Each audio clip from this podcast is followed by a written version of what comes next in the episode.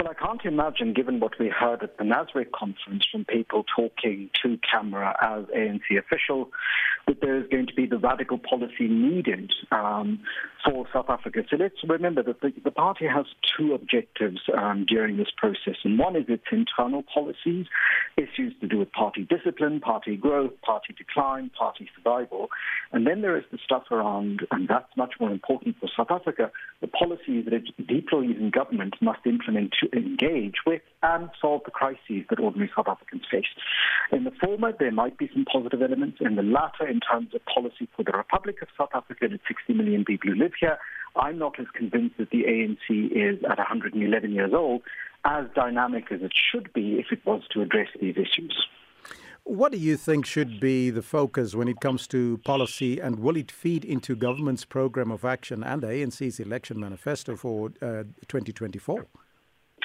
So I think too much of the party's focus is going to be on the election of 2024, and so it's going to formulate policies that have short term gains in mind.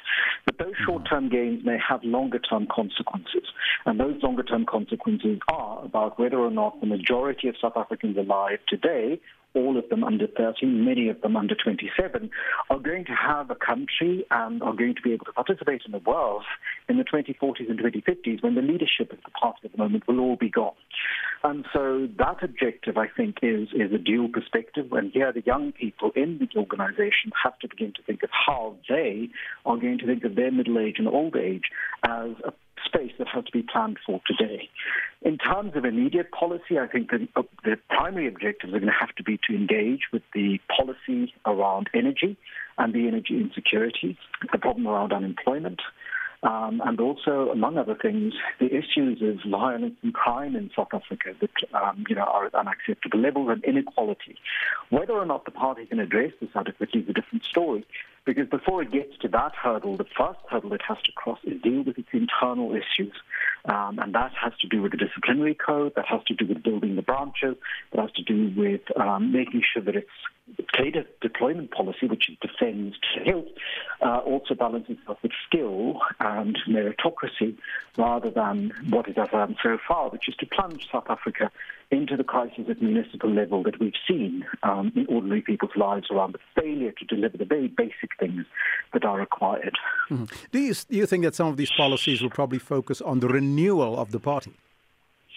It may talk about renewal, but the question is whether or not that renewal takes substance. Alex Mashilo indicated he's the spokesperson for the SACP at the conference last year when he was asked about this on ACFM. He said, It's not clear what this renewal should look like, what its end product is going to be.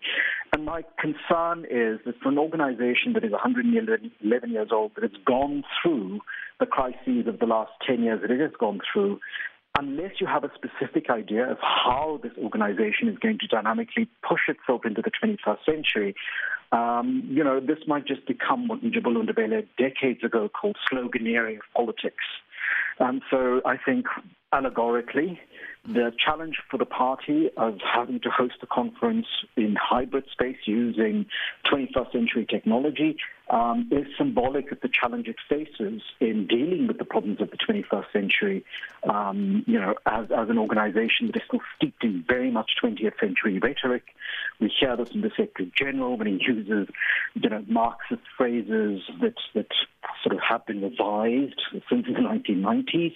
Uh, we hear it in the kind of endless return to old notions. So, you know, in his address the other day, he used the phrase rainbow nation, as if we hadn't traveled 23 years since that phrase arrived. And at least 10 years since that phrase was delegitimated. We're not a rainbow nation. The very concept of the rainbow nation is delegitimated and found to be empty. And so this is an organization that's struggling with having to reward people for its internal work, for the work they did for the party, but also respond to 21st century conditions to make sure that that organization lives into the 2030s. The ANC will also consider proposed amendments to the constitution, we understand, uh, the ANC's constitution. What, we, what can we expect there, you think? So there, I think the focus will have to be on representativity. Um, so the very shallow notions of how the party does or does not represent the people of South Africa in terms of very 1950s idea about diversity and race is an issue, how gender representation is going to have to shift, how through the constitution of the party they may be able to revive um, the leagues because those are the mechanisms through which gender transformation and youth transformation is likely to be achieved. Um, so what the party faces is the same challenge that faced in the 1940s whether or not the young people and the women of the 2020s can repeat what um, the young people and women of the 1940s and early 1950s did, which is to revive the party through what was then the defiance campaign.